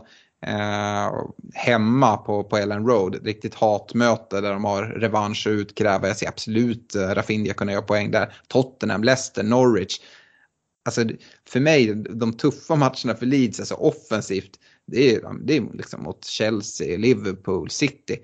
Ah, spanar schemat, ja City, ja de ska de möta i Game Week 35, Chelsea 33. Um, ehm, för mig så tycker jag schemat är bra eh, och Rafinha har ju visat att liksom, det, är han, det är han man ska ha. Och det är typ den enda spelare från Leeds som lockar mig. Men, eh, och samma, Bamford, ja, när han väl kommer tillbaka, jag tror jag att Rafinha fortsatt kommer rulla in straffar när de får dem. Eh, så nej, jag, jag gillar Rafinha jättemycket. Så det blir en blandning av era mittfältsrekar i eh, Foden, Bowen, Rafinha. Och nej, jag tror, oavsett om det blir dubbel eller inte så är nog, ja, vi får ju se vad som händer. Det. men, men Rafinha in istället för Gray den här veckan, det är nog troligt för mig. Är det en dubbel så är det bara bra och då kommer jag nog ta minus fyra också och ta in en Matty Cash på, uh, i, i försvaret. Um, yes. Går vi till forwardsidan, Stefan, så får du gärna börja. Antonio Dennis satt där förra veckan. Uh, ska vi prata villa här eller?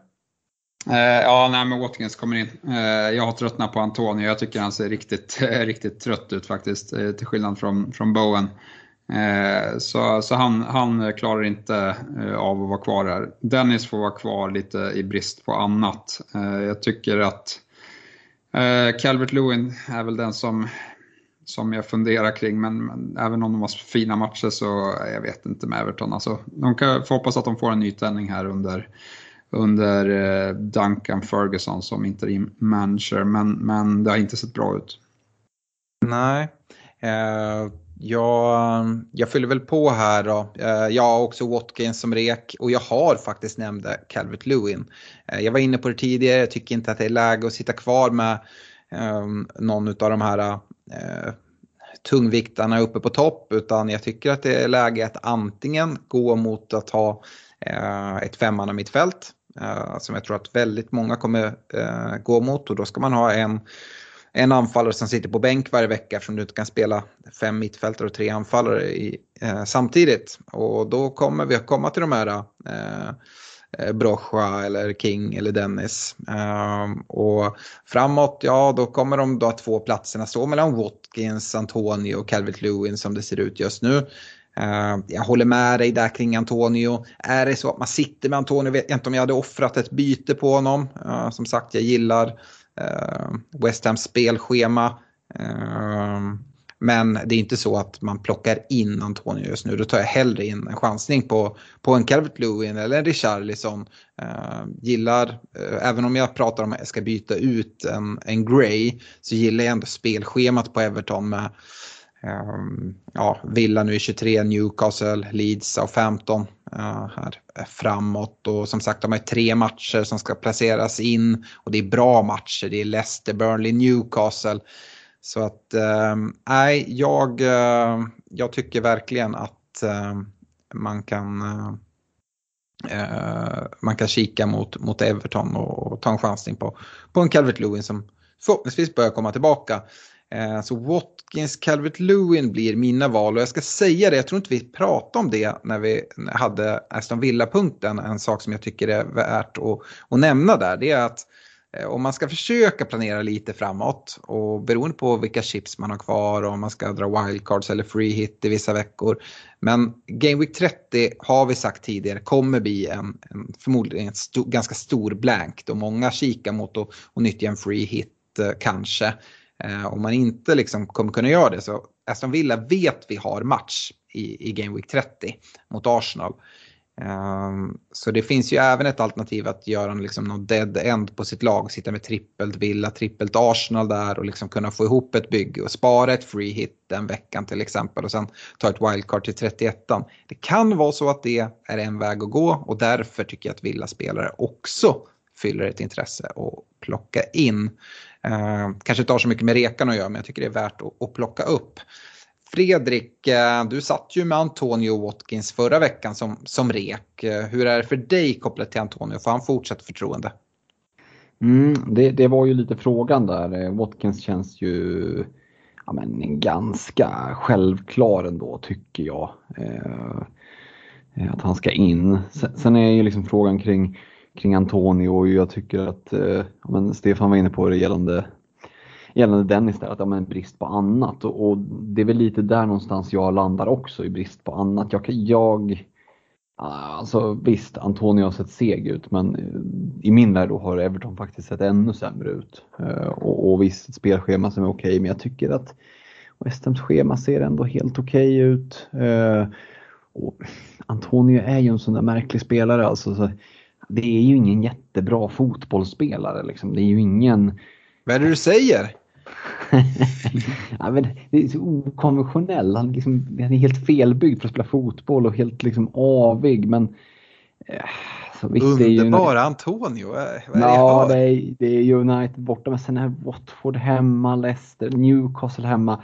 Jag, jag tycker ändå det kan finnas ett case här. Jag har en liten sån där eh, ett Antonio hattrick ligger runt hörnet. Eh, out of the blue kan man tycka som en blixt från klar himmel. Men eh, nej, Antonio får vara kvar i reken för mig och eh, han och Watkins sitter kvar. Ja, kommer det där hattricket på Old Trafford bli, kommer jag bli tokig.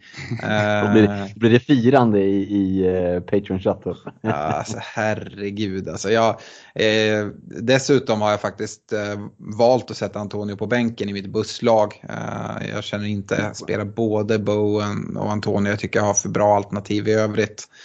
Uh, så att det, det, skulle väl inte förvåna dig trilla in de där tre kassarna där. Så sitta... det, är inte, det, är inte, inte för att du inte vill sitta och hoppas på att de ska göra mål mot United? Nej, det har faktiskt inte med det att göra. Där är jag faktiskt rätt lika Olle och faktiskt på mer än ett sätt. Det börjar ju bli så att man ska liksom pinpointa eh, United och sätta binden snarare, snarare än Newcastle här uh, framöver. Så ja, jag, jag vet inte om jag bara är allmänt negativ nu.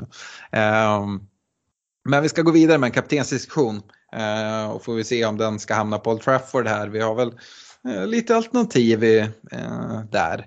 Men eh, börja med att säga att det är en fredagsdeadline. 19.30 så se till att ställa alarm, missa inte eh, och sätta i ordning era lag, göra era byten. Men som sagt, det är läge att göra bytena på fredagen och inte nu och börja kasta in spelare som Eh, Coutinho eller någon annan. Eh, förhoppningsvis kan vi få besked om, om någon dubbel, eventuellt då för, för Villa eller Leeds eller ja, vad det blir, eller Burnley.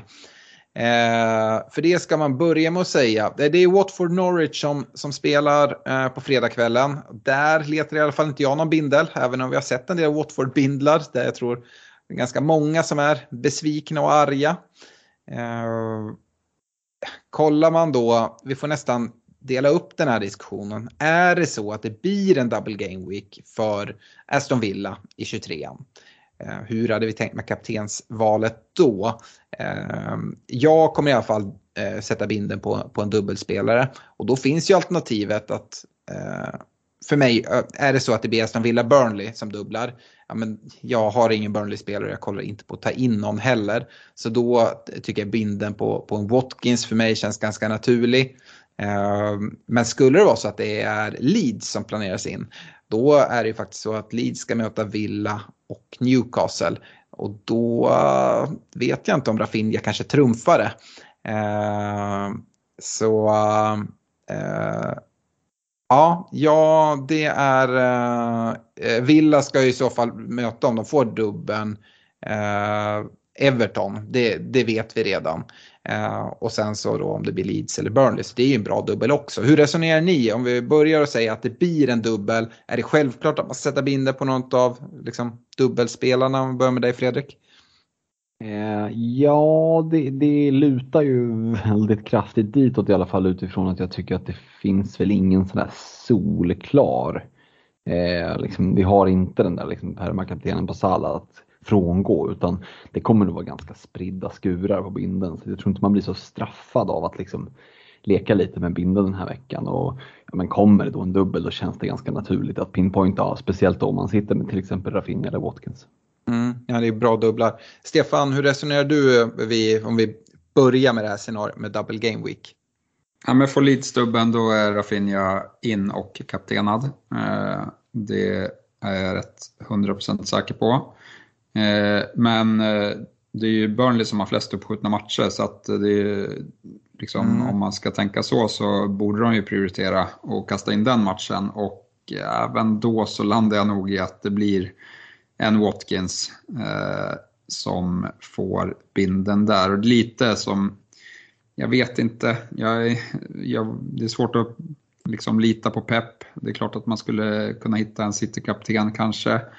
Eh, och Liverpool, ja absolut, de, de vann mot Brentford men jag tycker Brentford har sett rätt så svaga ut här ett tag. Eh, så jag vet inte hur mycket det säger. Jag tycker Palace är en svårare motståndare dessutom på bortaplan. Eh, och utan Salah och Mané så mm, Liverpool är favoriten men det är inget som står ut som liksom att man har en, en säker eh, double digit från från Trent eller Jota där. Så att nej, eh, det är dubbelspelarna som jag kikar mot. Så jag hoppas ju på dubbel, annars tycker jag att det är jäkligt klurigt faktiskt. Ja, vi ska ju såklart gå vidare till det och eh, vi redan pratat lite City. De ska ju bort och till St. Mary's möta Southampton. Uh, och just nu sitter Foden på binden i mitt uh, liksom busslag. Skulle såklart kunna varit en Cancelo också.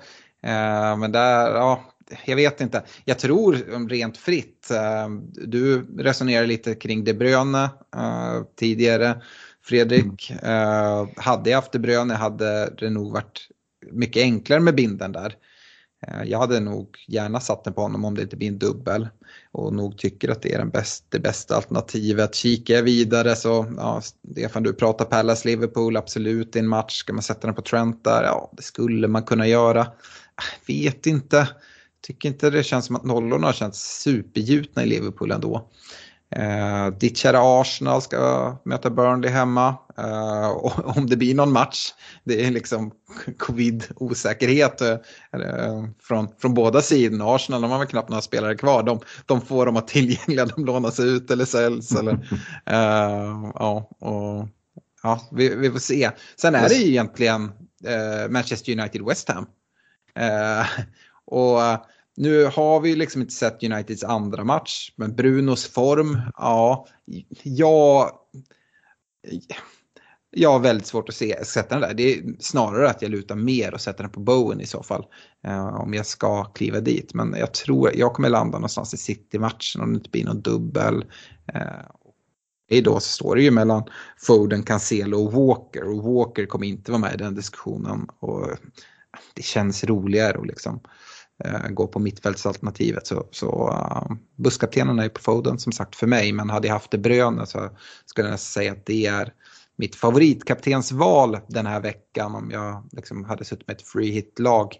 Uh, om det inte blir någon dubbel. Fredrik, hur resonerar du? Ja, jag kan göra den diskussionen väldigt kort och säga att Foden sitter som kapten i mitt busslag också. Jag har ju blickat mot De Bruyne och byter man in De Bruyne, ja, då har jag väldigt svårt att se att vinnaren inte hamnar där. Och då är det den där dubben då som skulle kunna göra det. Men om vi i det här scenariot pratar om att det inte blir någon dubbel fram till deadline vad vi vet, då och man liksom trycker av ett Bruno mot De Bruyne byte eh, så kommer vinnaren hamna där. Mm. Om man nu använder Bruno som en placeholder, eh, tycker du, liksom, det är såklart upp, upp till varje bygge att se liksom vad man har för andra bränder att släcka. Men om man nu inte har så mycket andra byten man känner att man behöver göra och väldigt lyxigt läge, jag vet inte vem det skulle vara men det är väl alltid någon där ute.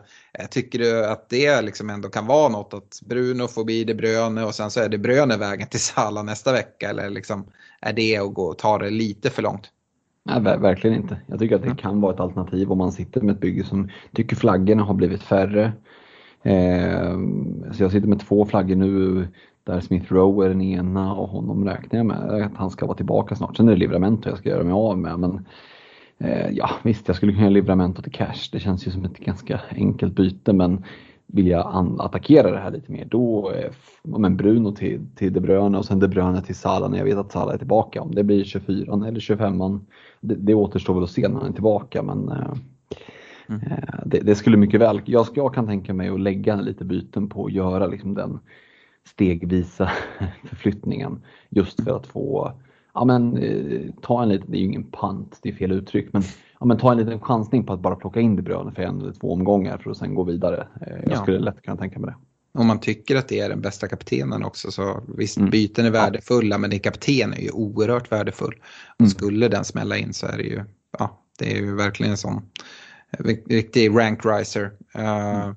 Om du går bort från City då, har du någon, liksom, vad, vad är nästa steg neråt för dig? Ja, den, den är ju klurig alltså. Mm. Eh, det... Man kanske inte vill in i pepprouletten där med, mm. med sin kaptensbindel till exempel. Nej. Då... Jag vet inte, jag tycker ju, som du är inne på det här med att Liverpool har sett ganska racka ut. Tycker inte slutresultatet mot Brentford spelar, eller speglar eh, eh, Liverpools insats. Eh, så Eh, då känns det som att det är betydligt större chans för svängdörrar i United eh, West Ham. Eh, så en, en bindel på, på Bowen eh, skulle jag inte utesluta. Nej. Eh, Stefan då, hur, hur resonerar du? Nej, men jag blickar nog mest mot City. Det känns som att det är den matchen som skulle kunna rinna iväg målmässigt. Eh, och för mig ligger nog Foden närmast till hands att byta in eh, och cappa. Eh, men eh, ja, De Bruyne, jag vet inte, det är för många byten tycker jag. Eh, för, för vad som passar i mitt lag. Jag sitter, eh, ja, men jag sitter utan några gubbar här eftersom jag hade planerat ett bench boost. Så det borde jag nog justera eh, ganska så snart tror jag. Bortser man från, från ditt bygge och liksom att man sitter i ett free hit eller man har det bröne, håller du med mig och, och Fredrik här att det ändå är kanske det bästa kaptensalternativet den här gameweeken? Ja, man kan absolut gå för De Bruyne, men jag, jag, jag, tycker det är ett lotteri vem som tar mest poäng utav han och Foden.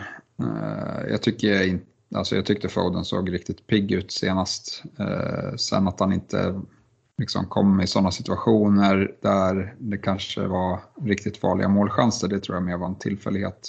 Uh, ja, vi får se, jag tycker att båda ser ut att vara i bra form. Så att, och Foden-starten, känner du dig trygg med?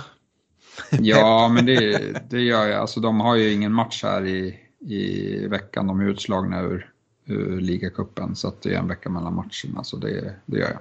Ja. Jag tycker att han är den mest givna, eh, liksom om man rena i den anfallstrion så tycker jag att han är den som är mest given i, i laget. Och nu är väl Mares fortfarande borta så att, uh, nej, den, den tror jag att man kan skriva in. Mm. Uh, och jag ställer väl samma fråga som jag gjorde till, till Fredrik där. Om man väljer att gå därifrån, kikar du också mot Old Trafford då eller uh, kikar du mot, mot ditt kära Arsenal? Ja, nu, ja, precis. Det är lite, jag sitter utan Arsenal. Men nej, men man kan väl kasta in en Arsenal-spelare. Tyvärr så fick vi, Saka hade ju någon skadekänning här eh, sist. Men, men Arsenal har ju en match, eh, eventuellt då, mot Liverpool. Jag hörde idag att de skulle försöka spela den matchen. Eh, Får se hur det går. Jag såg att Komorerna slog ut Ghana eh, i eh, Afcon här. Eh, ja, ni får ju tillbaka Partey ja. Ja, Partey kommer tillbaka. Han är, nog, han är nog inte tillbaka till torsdag, men eh, till helgen så borde han vara redo. Eh, så det är, det är bra för Arsenals del då. Jag får tacka Komorerna för det.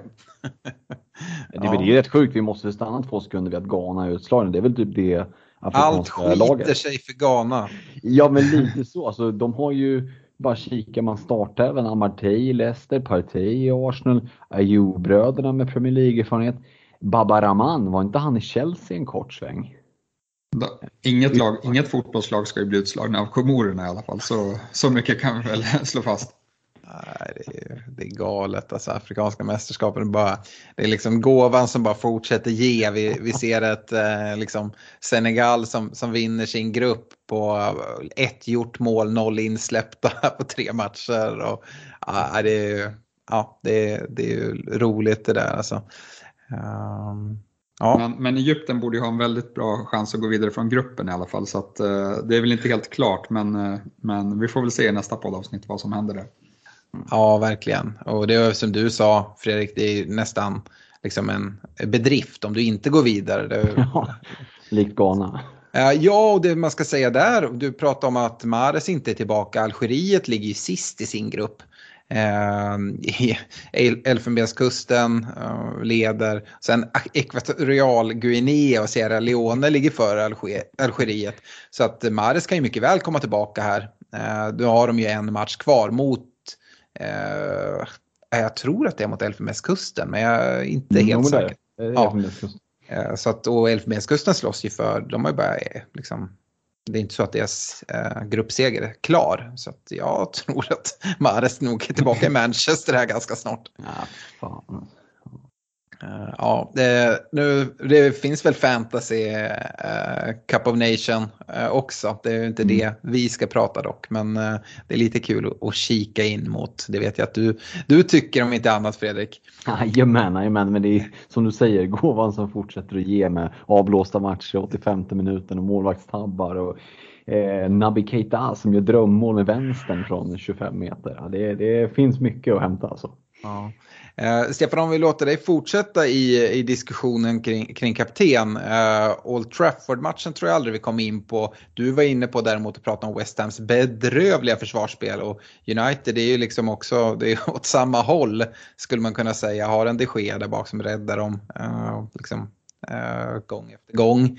Eh, ett, ett, överspel om vi nu ska, ska gå på, på liksom, eh, tipsrekommendationer känns ju inte så, så, så dumt i en sån match. Men, eh, och då är ju en binder helt plötsligt på någon offensiv spelare kanske inte helt utesluten heller. Nej, men det är en sån här match som på förhand känns som att det blir mycket mål. Men det är svårt att säga om vilket lag som, som uh, går vinnande ur striden. Så att uh, jag brukar undvika sådana matcher när det, när det kommer till binden. Uh, mm. Så det är, väl, det är väl så jag känner där. Men jag tror att det, att liksom det finns potential för mycket mål som, som du är inne på. Mm.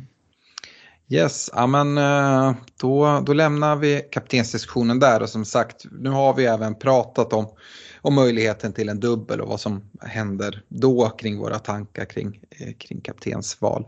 Eh, innan vi går in på lyssnarfrågorna ska vi rikta ett stort tack till våra partners i Olka Sportresor som eh, bland annat då ser till att vi har ett väldigt fint första pris i poddligan. Eh, men även eh, vår partner kopplat till poddresan i april. Vi riktar även ett tack till nakata.se, eh, unisportstore.se och Glenn Sportsbar. Och Eh, sen hoppar vi in i lyssnarfrågorna. Och eh, Fredrik, eh, vi har fått en fråga från Josef Tornell.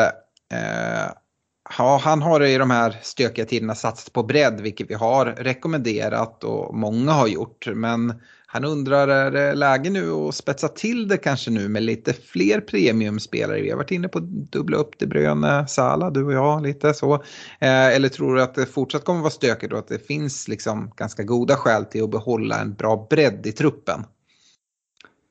Ja, jag tänkte att jag skulle helgardera mig där och säga båda, båda två. Tycker det kan finnas case för att kanske spetsa till med till exempel eh, Salah De Bruyne om man har möjlighet att göra det utan allt för mycket minuspoäng. Eh, men då ska man också se till att de spelarna man måste, man måste downgrada, att det fortfarande är spelare som ändå startar. För jag hade inte velat sitta, alltså jag, som, som jag då som sitter med livrament och eh, kvar som är om en långtidsskadad vad det verkar.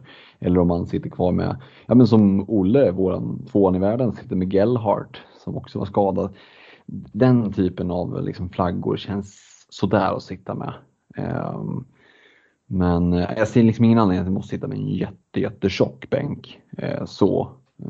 Men ändå en spelande bänk i alla fall. Men i övrigt att pinpointa lite mer spets, det behöver nog inte vara fel. Mm. Jag förstår Josefs, Josefs fråga här för att eh, jag håller med honom att man har gått på en väldigt, väldigt bredd med dubbla målvakter. Har man möjlighet att sitta kvar med det så är det ju aldrig fel. Samtidigt vill man ju få in pengarna i elvan. Och jag tycker absolut att det finns ett case att nu sakteliga såklart följa allting, eh, liksom utveckling framåt. Men jag tror att det är famous last words tror jag. Men eh, jag tror att vi har sett det värsta med uppskjutna matcher.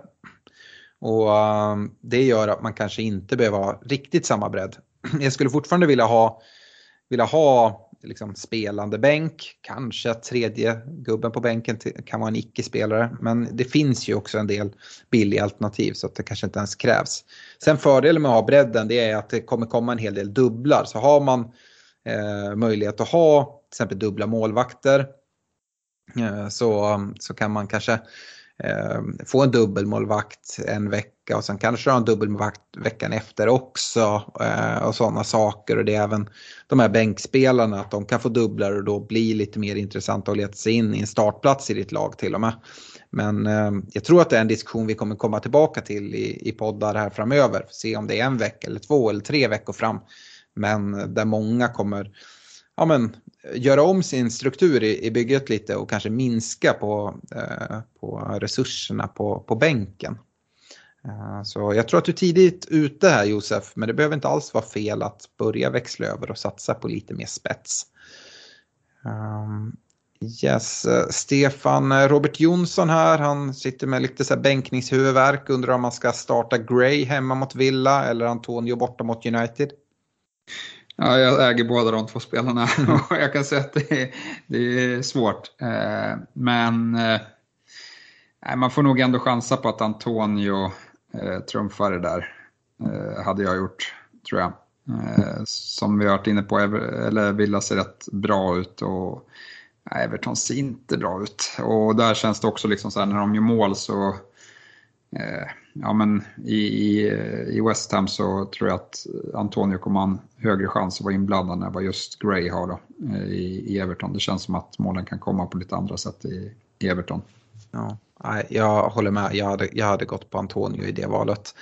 Eh, Albin Johanssons fråga här, han vill att vi ska prata Villa. Det har väl gjort en hel del. Han vill att vi ska ställa Ings och Watkins mot varandra och sådär. Och jag håller ju Watkins för och det har låtit i alla diskussioner. Vi har knappt nämnt Ings.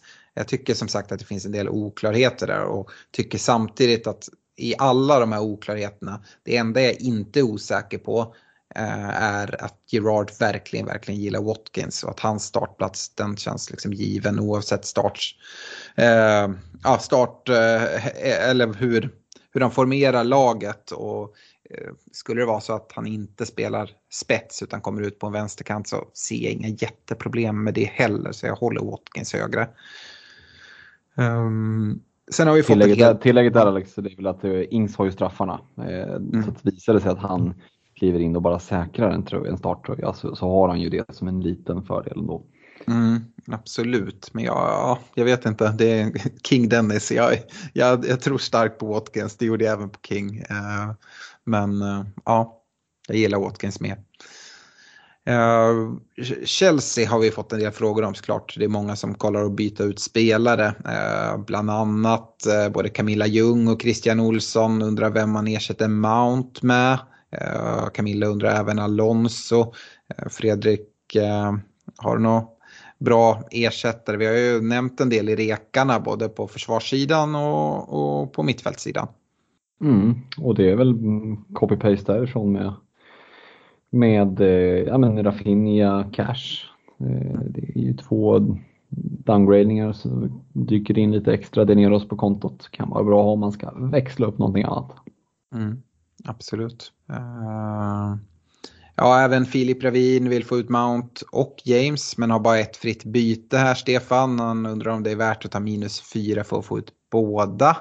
Eh, och leta lämpliga ersättare. Lämpliga ersättare har vi ju redan lite varit inne på. Han har också lite pengar på banken och sådär. Men eh, ja, det, de har ju inte blank nu i, i 23an så hade du tagit minus för att få ut dem. Annars prioriterar man väl att plocka, plocka Reece James som, som är skadad va? Ja, han är ju borta och vi vet ju Mount, han fick ju bara ett inhopp mot, eh, mot City. Eh, så att, Starta eh, idag. exakt, exakt, men han, han fick sin, sin vila där tänker jag och mm. det är fortfarande struligt för Chelseas anfallsspel så att eh, jag tror att han spelar mot, eh, mot Spurs. Eh, och Spurs vet vi inte så mycket om, de, det var länge sedan de spelade känns som. Mm. och de, de spelar i och för sig imorgon då, men vi får väl se lite hur de ser ut. Men Mount kan man ju såklart behålla, men får Rafinha till exempel sin dubbel där, då, då kan det vara värt en minus fyra också. Mm, absolut. Eh, ja, Fredrik, här är en svår fråga. Svante Bornehagen undrar när bästa wildcard-läget är eh, enligt oss då från nu och in i kaklet. Det är väl också väldigt liksom, lagberoende och också chipberoende vilka chips man sitter kvar med va? Ja, absolut. Eh, jag tycker att det som du, lite som du är inne på, det är så pass beroende av hur bygget ser ut att det är i princip omöjligt att svara på. Men det medskicket man kan göra det är väl att eh, dra inte wildcardet om du inte verkligen känner för det. Det är inte mm. läge att vara trigger happy utan det är, det är ett starkt chip eh, i, i liksom redan innan covid och pandemi och uppskjutna matcher och så och bli ett ännu starkare chip för vi kan ju hamna i ett läge där där det blir en helt galen double eller triple game week. Så man liksom sitter och kanske har dragit av alla free hits och man känner att det här kan jag, tåget får jag inte missa och just nu så står jag på fel perrong. Liksom. Mm. Så att, um, har man, man ska liksom inte dra eh, wildcardet bara för att man är lite uttråkad eller, uttråkad eller tycker att Nej, men jag har tre spelare jag verkligen vill ha in. Ja men det kanske du kan lösa ändå. Eh, så att, när det är rätt, omöjligt att säga men eh, använd det varsamt. Ja, ja men verkligen. Uh, Stefan Daniel eh, Cederskog uh, varit inne på det här med liksom spets och, och liksom bredd. Men han undrar hur mycket man tycker, hur vi tycker att avbytarna mest får kosta styck. Det är väl liksom svårt att sätta, sätta ett pris på. Men hur, hur tänker du kring, kring bänk och, och bredd kontra spets nu här framåt? Vi pratar ju lite om det jag och Fredrik här på en annan fråga. Ja, nej men som sagt, jag tycker ju att det har varit en extrem fördel att ha bra eh, truppbredd här över julen för att man inte hamnat i lika många eh, prekära lägen. Men jag tror också som ni sa, pratade om alldeles nyss, att eh, vi, vi är nog förbi det värsta. Game Week 23 kanske finns lite risk för några matcher. Eh, Afcon är fortfarande pågående. Game Week 24 jag tror covid-läget blir bara bättre härifrån. Eh, om man kollar i Storbritannien, jag såg några siffror idag att det var, antal nya fall var ner eh, ganska rejält från toppen. Och plus att många lag får tillbaka sina, sina afrikanska spelare i, i 24 Så att jag ser inte samma behov. Och jag, när jag kollar till exempel på, på Olles lag där som vi intervjuade i, eller som ni intervjuade i söndags, han satt ju på eh, billiga forwards och liksom hade den där uppdubblingen på, på mitten. Eh, jag gillade det jag såg där. Jag tror absolut att man klarar sig med två eh, spelande avbytare om, om det är så. Mm.